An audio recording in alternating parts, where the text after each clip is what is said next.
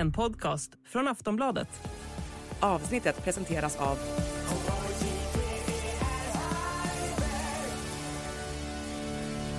Stödlinjen.se, åldersgräns 18 år. Hej och välkommen till Åsiktskorridoren, en podd från Aftonbladets ledarsida. Idag så pratar vi om budgeten, vi pratar lite om kungen, om gängskjutningar och framför allt kommer Anna Maria Corazza Bildt att rädda Liberalerna. Välkommen! En podcast från Aftonbladet Ledare. Åsiktskorridoren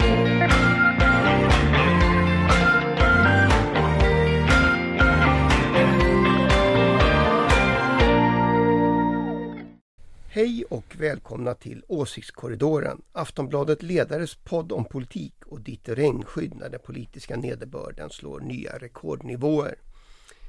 För egen del känns det som lite av en återkomst efter en ovanligt lång semester.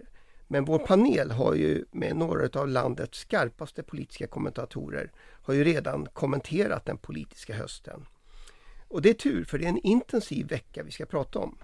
Med oss finns som vanligt Ulrika Schenström från den liberala och gröna tankesmedjan Fores.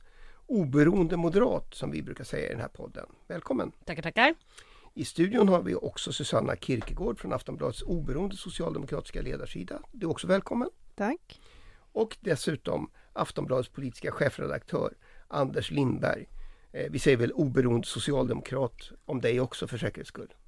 Absolut. Själv heter jag Ingvar Persson och arbetar till vardags eh, på Aftonbladets ledarsida. I den här podden är det dock min uppgift att bara ställa frågorna. Eh, och jag tänkte börja direkt med gårdagens stora skräll i svensk politik. Anna Maria Corazza Bildt byter parti och kandiderar nu till EU-parlamentet för Liberalerna. Är det en bra värvning av Johan Persson, Ulrika? Ja, det får man väl säga. Hon är ju sjukt poppis. Ja. Så att, eh, det var väl jättebra för Liberalerna. Du tänker att hon kan rädda det där partiet? Ja, faktiskt tror jag faktiskt hon kan eh, i alla fall. Hon kommer kunna dra väldigt många allmänborgerliga, liberala eh, kvinnor i storstadsregioner främst skulle jag säga. Eh, De som eh, jag brukar kalla för eh, de här som bor i Vasastan och eh, egentligen är borgerliga men av SD-skäl har till och med röstat på Socialdemokraterna. Den grupperingen tror jag hon kan ta. Det tänker du? Susanna? Jag tycker alltid att det är bra när det blir lite mer åka av i Drag under EU-politiken. galoscherna. Ja, men särskilt i EU-frågor. Det behövs lite sådana här människor. Men jag tycker det är... Frågan är om Johan Persson har gjort en bra värvning. Det vet jag inte. Jag tror att eh, hon kan säkert vara lite svår att ha som kandidat också. Alltså, hon eh, went out with a bang förra gången ju, får man ju säga, när hon kallade Moderaternas process när de petade bort henne för makt och mygel på ett sovjetiskt sätt. Men så, Så var det ju. Jo, precis. Man Jag kan var ju rätt ändå. På hennes det är sida. sant. Hon, så att, men det, det jag menar, man kanske behöver en färgstark person. Men eh, Vi det är färgstarka också... personer är ju väldigt obehagliga att ha att göra med. Det är jobbigt. Vi Ja men precis, att det kan ju vi vara jobbigt för Johan Persson, men det kanske är bra för folket. Ja, Vad hade och- Göran Persson med det här? Jag Johan. Persson. Ja, jag bara, ja. Men är det bra för Folkpartiet höll jag på att säga. Men jag menar ju Liberalerna, Anders. Ingen aning. Alltså vi som inte är så färgstarka tänker väl att, att det är liksom eh, Nej men vi tänker väl mera cyniskt att hon, hon vill säkert eh, komma till Liberalerna för att hon inte fick någon plats på Moderaternas lista eh, Å ena sidan, å andra sidan så tänker jag att hon också gör analysen att Moderaterna lite är ett sjunkande skepp inför EU-valet Alltså väldigt många svenskar kommer ju att tänka att eh, EU-valet är ju ett sätt att säga åt den här regeringen eh, vad man tycker om den. Eh, och jag föreställer mig att Moderaterna lyckades ju bli tredje största parti i valet 2014 EU-valet efter Miljöpartiet gick förbi. Skulle inte förvåna mig om det går käpprätt åt skogen för Moderaterna.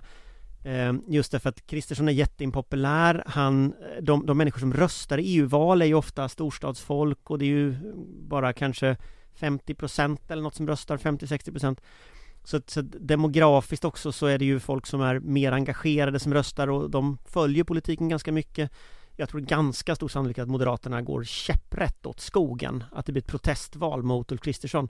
Och att då stå på hans lista, det är ju inte kanske det man främst vill. Så att, jag menar, Men hon hade aldrig kunnat få stå på hans lista. Nej men jag tänker att det är lite både och. Alltså det, här- å ena sidan det och å andra sidan att stå långt ner och försöka kryssa sig upp i ett parti som uppenbarligen eh, liksom går åt skogen. Det är inte så lätt liksom. Det finns ett element i all politik av att när, när liksom krubban är, är tom, då bits hästarna. Och jag tror att krubban är rätt tom hos Moderaterna. Det, det är ju lockande att fråga om det verkligen är ett bra val att gå till Liberalerna om man vill undvika ett sjunkande skepp. Men jag ska inte göra det. Eh, utan, Fast jag tycker, jag har faktiskt ett svar på den frågan. Liberalerna är ett parti som, eh, jag kan tänka mig att Johan Persson gärna petar Karin Karlsbro. Hon är en ganska jobbig person också, men hon är en jobbig person också? inom Liberalerna. Hon kan spelet inom Liberalerna. Hade vi sagt så här om Anna? Maria, An, det hade vi absolut. Anna Maria Corazza Bildt, Anna Maria Corazza. Bildt kan Moderaterna. Men hon kan inte Liberalernas alla in, in, in, interna strider. Så jag skulle inte bli helt förvånad om det är så att Johan Persson tänker att det är också eh, liksom förena nytta med nöje att bli av med en intern opponent. Men kom, kommer, hon att, kommer hon att klara sig i provvalet Ulrika? Ja, nu har ju det bara gått ett dygn så att Mm. jag har ju inte kunnat ta reda på allt om det här myglet internt i Liberalerna. Men eh, ja, men det tror jag. Därför att jag tror att de fattar att hon kommer vara en magnet i valet. Jag, jag tror så här, jag tror det finns en, det, det, det finns ett, någonstans i den här valrörelsen så kommer det att finnas en borgerlig exponent för känslan av att Ulf Kristersson är en sopa. Och någonstans så kommer det att bli en tävling nu, vem är exponenten för det? Centern kommer att vilja vara exponenten för borgerliga röster som inte gillar Kristersson på grund av SD. Nu går Liberalerna in och kanske blir den exponenten. Fast de vill ju Så. göra upp med SD. Ja, men, men det vill ju inte Corazza Bildt uppenbarligen. Nej, Och då innebär det att då kan du om du är smart eh, från liberal liksom medlem i provvalet Mm. rösta på henne också för att sända en signal som ju någonstans är att Mm, nog Kristersson suger. Och, och, och jag tror något borgerligt parti kommer att flyga på den känslan. Och, och Liberalerna kan, det kan bli Liberalerna. Och de som kan förlora på det här, det är Centern då. precis. Men, men eh, jag måste ändå fråga, Karin Karlsbro har väl varit den som verkligen har protesterat i Liberalerna? Absolut, men om, låt, mig, låt mig ta följande exempel. Ta ett foto på eh, Anna Maria Corazza Bildt och ta ett foto på Karin Karlsbro, så går ni runt på Centralen och så försöker ni se vem folk känner igen. Så kommer Anna Maria Corazza Bildt både på na- name recognition och på att hon är känd slå det alla gånger i veckan. Ja, men det är ju därför detta är bra för Liberalerna. Ja, det kan vara bra rent taktiskt. Samtidigt så tycker jag man ska ställa en annan fråga och det är liksom vad vill man ha för politik då? Eh, och där skulle väl jag säga att hon, då får de ju moderat politik i Liberalerna. Vill de det? Ja okej, det kanske de vill. De har ju redan det i regeringsställning, men jag menar det, det finns ju ett annat Liberalerna. Det finns ju ett socialliberalt Liberalerna som faktiskt står upp för något eget i politiken. Och Kan det inte Ja. vara lite prestigeförlust också att känna att man måste ta in någon från ett annat parti för att kunna vinna ett val liksom? Det är ju inte så, Många partier Det är väl inte så kul. Ja, men jag menar just- från ett annat parti. ja men i deras läge. Det kan ju inte vara jättekul. Nej, Men det kanske kan hålla dem kvar, att de får Men- två men- mandat. Men sen, inte. sen, sen finns väl en annan strategisk fråga inför EU-valet tror jag. Och det, det finns ju ett antal rörelser nu som vill göra det här till olika sakfrågeavgöranden, som euron till exempel. Mm. Det är möjligt att det är en fråga som nästa år blir lite tuffare än vad den är nu. Just nu är det ju bara trams liksom, men, men det kanske är en fråga nästa år. Mm.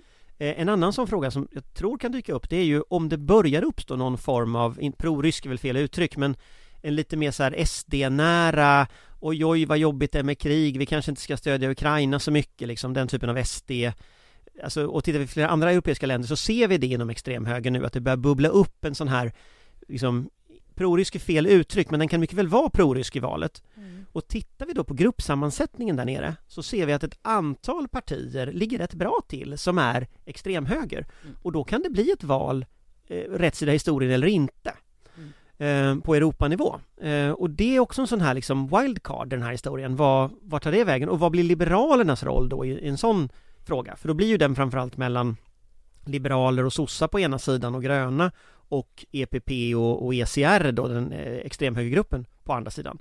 Och det kan bli en ganska intressant valrörelse för det är liksom, det är ju ett riktigt vägval så.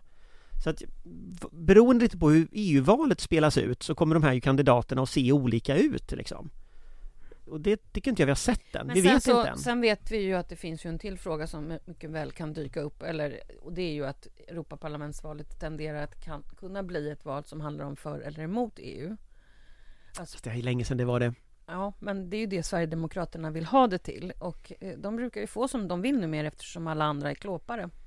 Jag tror att, jag tror, om jag skulle få gissa nu så tror jag sannolikheten Mest sannolikt är att det blir ett protestval mot den sittande regeringen För det brukar bli det med impopulära regeringar om det inte blir det så kommer nästa steg att vara att det kommer att handla om någon form av sakfrågor som vi kommer att upptäcka tre veckor innan valet. Så här, jak, Jakt i Värmland eller någonting. Alltså någon konstig fråga. Just Det brukar alltid Vad är det uppstå för konstigt med det? Jakt i Värmland, ja. Jag, jag förstår inte. Det var ett sånt där direkt påhopp på mig. Ja, Nej, det, det var ju det var ju den så kallade junilistan som ju, som Ja, ju då en gång i tiden plockade lite, upp Men jag tror i alla fall. Anders, att det är så att jag tror att du Chat kan ha control. rätt att det där kan hända, men jag tror ändå att vi kommer att ha i alla fall ett parti som kommer att försöka få hela parlamentsvalet till att vara ett för eller emot EU. Mm. Och det är Putins svenska parti. Ja, precis. eh, Där få... fick du in det. Ja, Ja men det är ju så! Ja, men jag det är ju vet. Putins strategi i hela Europa. Ja, men jag Och i vet. Sverige är Sverigedemokraterna bärande av Putins Jag vet. strategi. I know. Det är taskigt men så är det. Ja. Jag tänkte bara att vi kunde utveckla så alla som lyssnar kan få förstå. Liksom. som sagt, vi lär få återkomma till det här ämnet. Det verkar ju som panelen är överens om att Maria, eh, Anna Maria Corazza Bildt i alla fall är en, eh, blir en färgstark. Men får jag fråga en sak som jag funderar på Ulrika där som du som vet allting. Betyder det här att Carl. Bildt också är i rörelse eller är det liksom Betyder det att liksom det här är någon större trend nu? Nej. Vem, vem, vem lyssnar regeringen på Carl Bildt just nu? Om, om, om, om, om, om eh, Ulf Kristersson frågar jag tror inte Carl Bildt är i rörelse alls. Däremot har Anna Maria tagit det här steget. Eh, Men eh, det har jag mycket, mycket Så bara halva svårt att- Bildt-brand är i mycket rörelse svårt att tro.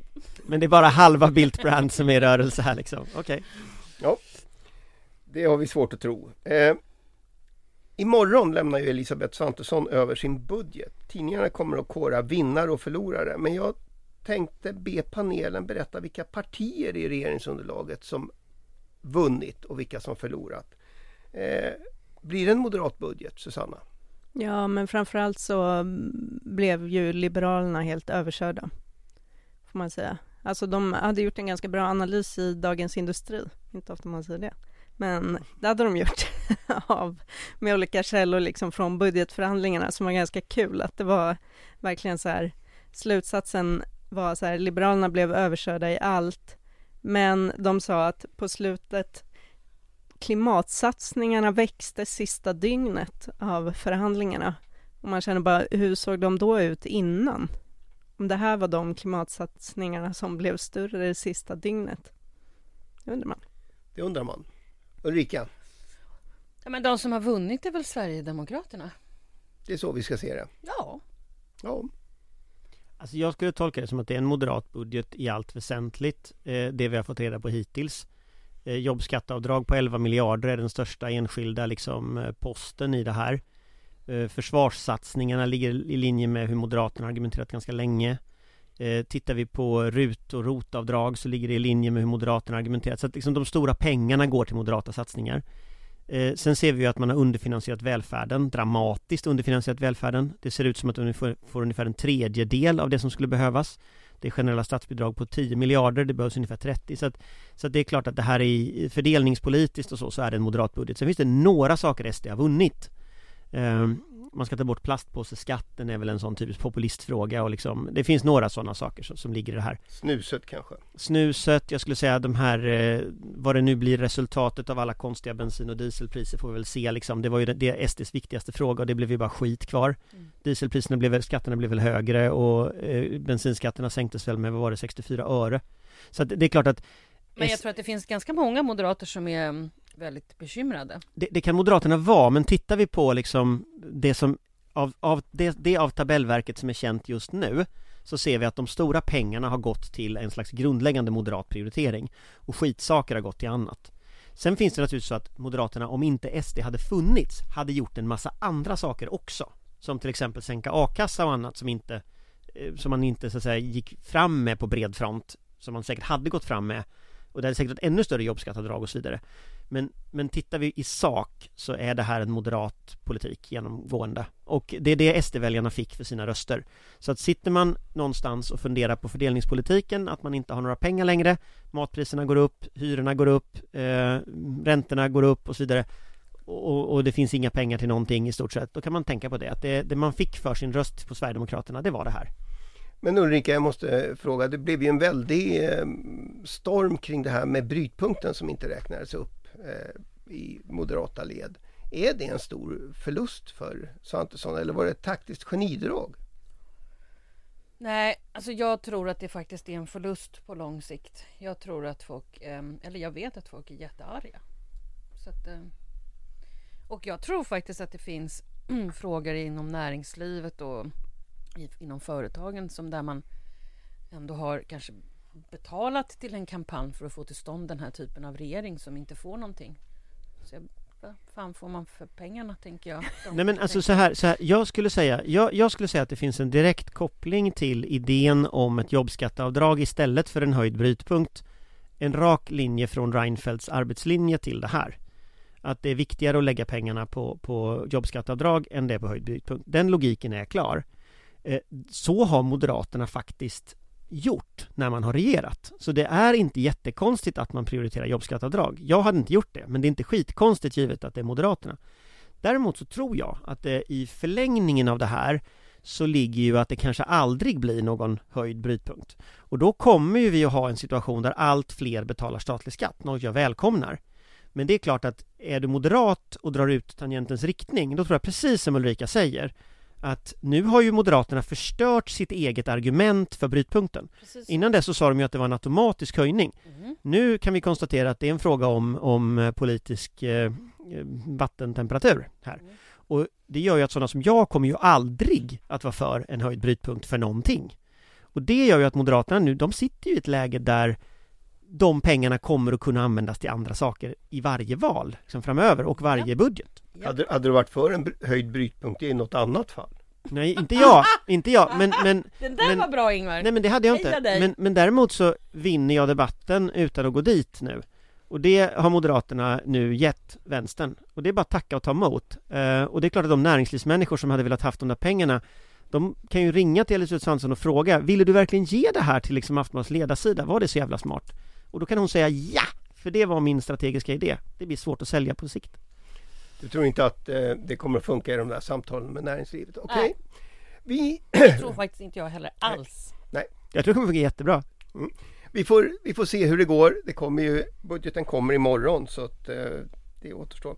Annars har ju de senaste dagarna präglats av två saker egentligen i nyhetsflödet. Krig mellan kriminella och att kungen har firat 50 år på tronen. Eh, jag tänkte att vi börjar med kungen. Är ett riktigt kungligt firande precis vad vi behöver nu när tiderna ser så dystra ut? Anders? Nej. Du, du är inte entusiastisk? Eh, nej, inte jätte. Jag tyckte det var roligt att kungen lyckades få den ryska ambassadören utslängd från Nobelprisceremonin. Det tyckte jag var kul. Det tyckte jag var hans var insats i år. underhållande. Det var mycket underhållande. Det blev, jag blev inte så mycket royalist på kuppen, men jag måste säga att det är, ibland är kungen bra att ha. Mm. Det tycker jag var hans insats i år. I år? I år, jaha. Där ser man. Så du, firandet har inte gjort något intryck på Anders. Susanna då? Um, nej men jag tror att uh, man kan nog lägga pengarna på bättre saker. Men å andra sidan, jag tyckte det var kul. Uh, Alex Schulman skrev en rolig krönika om att när man står i ett folkhav och hejar på kungen för att se honom i en sekund, då glömmer man bort allt som heter terrorhot och kriser och tråkigheter för att det bara är mysigt att göra saker tillsammans. Jag vet inte om folk känner så. Ja, var, verkade, ja. Folk verkade inte rädda för den här äh, Säpo-höjningen från trean till fyran. Nej, men det kanske är bra. Det kanske är bra med något som är lite skoj bara. Vad tänker du Ulrika? Ja, vad tänker jag? Jag tänker inte så mycket. Du var, ja, inte, var väl... du var inte ute och vifta? Nej, jag var på bio. Jaha. Hela helgen? Ja, jag satt på bio hela helgen. Nej, men jag var inte ute och vifta heller, men jag tycker samtidigt att liksom, jag, jag har lite gett upp den där frågan. Alltså förr i tiden så skrev Aftonbladets ledarsida av tradition en artikel om att de skulle avskaffa kungahuset typ varje år någon gång. Och jag vet att mm, Vänsterpartiet lägger väl fortfarande in en motion varje år om att man ska avskaffa kungahuset och sådär, tror jag i alla fall, eller de kanske också gett upp. Men jag har lite gett upp det där, det, alltså det, det, är, det är liksom så. Jo men det är inte en fråga som är särskilt viktig i relation till alla andra miljoner frågor som är viktiga på riktigt. Däremot så är jag inte för att vi lägger pengar på det här. Och Jag är heller inte för att vi lägger pengar på den här storytellingen om att Sverige är 500 år gammalt och Gustav Vasa åkte runt i Dalarna och gömde sig i utedass och sånt. Alltså den här typen av så här hitta, hittepå Mm. historia som vi blir matade med i sådana här tillfällen, den får mig att kräkas faktiskt för att det här har ju inte hänt på riktigt, sluta liksom Kör det här jävla storyn liksom, bara lägg ner det där tramset. Och jag, jag, Så jag har mer en överdos av Gustav Vasa i detta än jag har av den nuvarande liksom kungen. Ja, han är väl inte känd, jag, jag måste ju rätta dig, han rymde genom ett utedass. Tänk om, tänk om Gustav Vasa Ja, men- visste att han skulle bli dissad i en podd väldigt många år senare. Då hade han gett upp direkt. Ja, men jag var ju på det här nationaldagsfirandet där man skulle gå i någon, någon promenad från Skansen och till, till, till eh, eh, Nordiska museet och så skulle vi stå då allihop och lyssna på kungen. Så står han liksom under bokstavligen statyn av Gustav Vasa. Och under den här texten 'Varer svenske' som det står där. Och, och, så, och den här historien liksom hela tiden Den här liksom nationalistiska soppan den får jag bli trött på. Jag tycker det är bättre med den historien som faktiskt har funnits än den här påhittade historien. Och, och vår nuvarande kung har i alla fall funnits. Ja, men han är lite, han, ja, jag vet inte, jag tyckte det var lite roligt och sen så delar han ut, eh, delar han, på tal om, på tal om vad som händer nu då, så delar han ju alltså ut en svensk fana till Folkbildningsrådet symboliskt på nationaldagen och nu ska de såga folkbildningen från regeringens sida så då kan jag säga att jag föredrar ju kungens folkbildningspolitik framför den här regeringens Du, du vill ha en absolut monarki. mm, just på den punkten som delar ut flaggor tycker jag han kan få bestämma. Och bestämma gästlistan till Nobelfesten. Ja men det tycker jag faktiskt var roligt. Det, det tycker jag var genuint roligt, alla var arga, alla partier var arga, liksom alla var arga. Och sen säger kungen, "Mm, jag kanske inte orkar lämna över priset. Och då tar det en halvtimme och sen Oj. Hej då Ryssland. Det, Det tycker jag var roligt, det var min behållning. Makt på riktigt. Ja, Ja, tycker ibland jag. slår han till. Ja, men jag tänker att kunga, just svenska kungen och Ryssland, där finns, man kan nog lita på att det inte riktigt är Där, Där. där, där är han finns hemma. något att stå på Ja. Hörrni, eh, jag tänkte vi skulle prata om våldet. Eh, Trots allt, det, det är ju förstås att förstöra stämningen en smula men Kanske. Eh, våldet me- mellan kriminella har ju nått nya nivåer de senaste dagarna och precis nyss så avslutade Gunnar Strömmer ett eh, möte i nationella rådet mot organiserad eh, kriminalitet. Bland annat skulle man ta fram en lägesbild om jag förstod saken rätt. Annars kunde man tänka sig att pressklippen skulle ge en rätt bra lägesbild. Eh, jag funderar på hur påverkar den här utvecklingen eh, Ulf Kristersson och Gunnar Strömmers trovärdighet? Alltså i valrörelsen så var det ju rätt, rätt så raka besked. Danska straff för svenska brott så skulle det här lösa sig. Eh, Ulrika? Men alltså jag är så trött på det här nu. Ehm, jag är faktiskt trött på alla partier och deras peka finger på alla andra som har gjort alla andra fel. Skit i det nu och samla er, kavla upp ärmarna och gör någonting på riktigt. Och stå inte där och peka på vem som har gjort vilket fel. Jag tror att, jag tror att eh, svenska folket är sjukt trötta på att höra i partiledardebatten vems fel som var vad. Det är ju för fan allas fel, skärp er! Du låter lite som Lena Melin när hon var på högvarv nu Ja, man vet inte. Ja, man, gjorde får, det faktiskt man är nu ju på Aftonbladet så man får tacka så mycket för Det det. är, det är verkligen inte det sämsta. Det är verkligen inte det sämsta men det var Ja, men jag är sjukt trött på det här. Ja. Men tänker du att det här går igen i alla frågor eller är det specifikt i det? Ja, men det här är ju det som folk funderar på naturligtvis. Jag menar, det var ju en skjutning bara två kvarter från mig och det var hur mycket folk som hörde av sig till mig som helst och jag hade ju suttit på något möte utan telefoner och fattade ingenting och tittade i telefonen och bara Är du hemma? Så tänkte jag, "Det ska väl du skita i? Och tills jag förstod att det hade hänt något precis bredvid mig. Så jag fick lov att skriva på Facebook så här, Tack så hemskt mycket för alla. Folk är jätterädda för sånt här och de bryr sig. Men det räck spelar ju ingen roll liksom går ju inte att de här politikerna står och pekar finger på varandra. Gör något då! Kalla till stormöte, gör någonting. Våga införa någonting eller inte införa någonting eller gör något. Orkar inte. politisk generalstrejk Yes! Susanna? Vad ska, vad ska politikerna göra?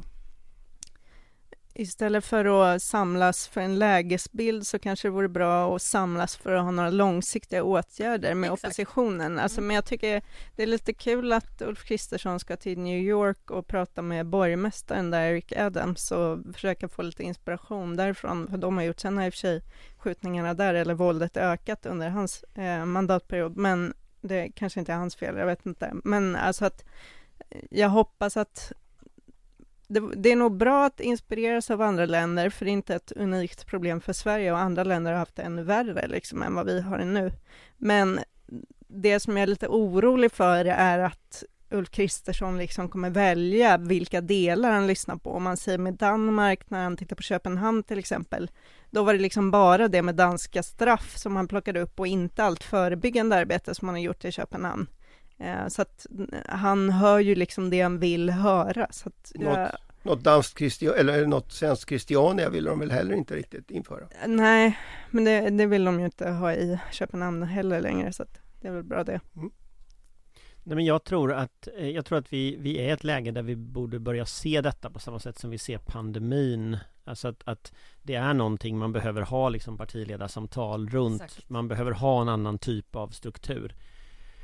Kanske så skulle man liksom aktivera den här typen av krisfunktioner som, som man gjorde då i att ha liksom en mera Alltså inte dagliga presskonferenser kanske men i princip samma idé som pandemin att man skapar en slags känsla av eh, akut läge i hela samhällsapparaten så att man börjar något åt detta. För att den här typen av saker som jag sett idag det är ju bara teater. Eh, och det har liksom ingen funktion. Eh, och det gör, tror jag faktiskt att det, genom att du höjer tonläget i teatern samtidigt som det bara skjuts mer så, så dels så händer ingenting men dels så undergräver du också ditt eget förtroende genom att hela tiden liksom framställa det som att du gör jättemycket och sen så funkar inte det och sanningen är ju att det är väldigt mycket du inte gör Alltså det förebyggande arbetet har du inte satsat på. Skolan har du inte satsat på. Socialtjänsten har du inte satsat på. Så att liksom det är väldigt mycket som inte har gjorts under den här retoriken. Och sen så tänker jag en annan sak och det är ju att Ulf Kristersson är nog fel person att kommunicera detta. Jag tror ju att regeringen borde ha någon som kanske hade bredare förtroende för att kommunicera den här typen av frågor. Och eh, Gunnar Strömmer försöker ju framställa sig som duktig jurist som står över politik men han klarar ju inte av jobbet. Och det gör ju någonstans att Ja, jag undrar liksom hur med det här gänget som sitter i den, alltså hur kommer kommunikationen att funka? Och det verkar inte, jag är inte så imponerad av det, alltså att de skulle klara det. Men jag måste fråga Ulrika, alltså det fanns ju partiöverläggningar om precis de här frågorna. Och det sprack ju därför att frågan är så... Därför att de satt kanske i ring som i en liten fruktstund och pratade om hur hemskt allting är. Ja, Men eller... ingen ville göra någonting tillsammans där Eller- man gjorde en kompromiss på någonting Nej. Som kan förändra och förbättra saker och ting för oss andra här utanför. Utan de sit- sitter där inne i någon jävla ring som små bebisar som håller på och prestigear mot varandra. Så sjukt tröttsamt. Men det blev ju å andra sidan ett väldigt effektivt eh, liksom ämne i valrörelsen. Eh, ja. Och vad ledde det till? Fast det som hände förra gången var ju att Moderaterna hoppade av. Det var ju Ja, det, som hände. Ja, det var, Det var ju det praktiska som hände. Och det jag menar måste hända nu, det är att man, man borde tänka som man tänker med försvarsberedningen. Man borde sätta samtal, men man borde kanske hitta människor som har förtroende bland vanligt folk. Alltså inte Leif GW Persson kanske, men man behöver hitta människor som har förtroende, som uppfattas som o, eh, oknutna till det här partipolitiska käbblet. Så. Och, och det kommer inte att funka när de som nu har lett oss ner i den här skiten ska stå och kommunicera att mer av vad vi har gjort hittills ska lösa det här. Och, och, så jag skulle ju tänka typ som försvarsberedningen tänker, plocka upp några liksom gamla stötar som, som har funnits förut, som skulle kunna så att säga kommunicera och sen börja ha dagliga presskonferenser mellan myndigheterna, se det som en riktig kris. Så. Försvarspolitiken skulle aldrig acceptera det här jävla apspelet som vi ser i, i, i frågan om skjutningar.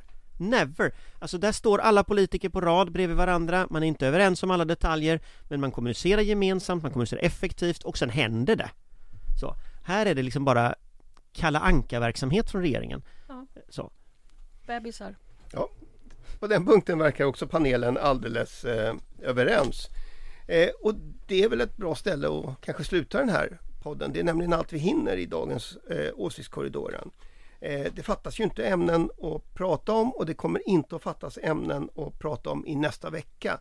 Så eh, missa inte det. Eh, tills dess vill jag bara tacka. Tack Ulrika. Tack, tack. Tack Susanna. Tack. Och tack Anders. Och som vanligt ett stort tack till dig som lyssnar. Det är för dig vi gör podden. Hej då! Hej då!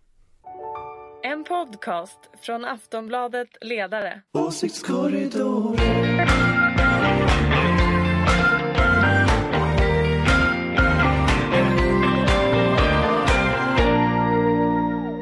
Du har lyssnat på en podcast från Aftonbladet. Ansvarig utgivare är Lena K Samuelsson.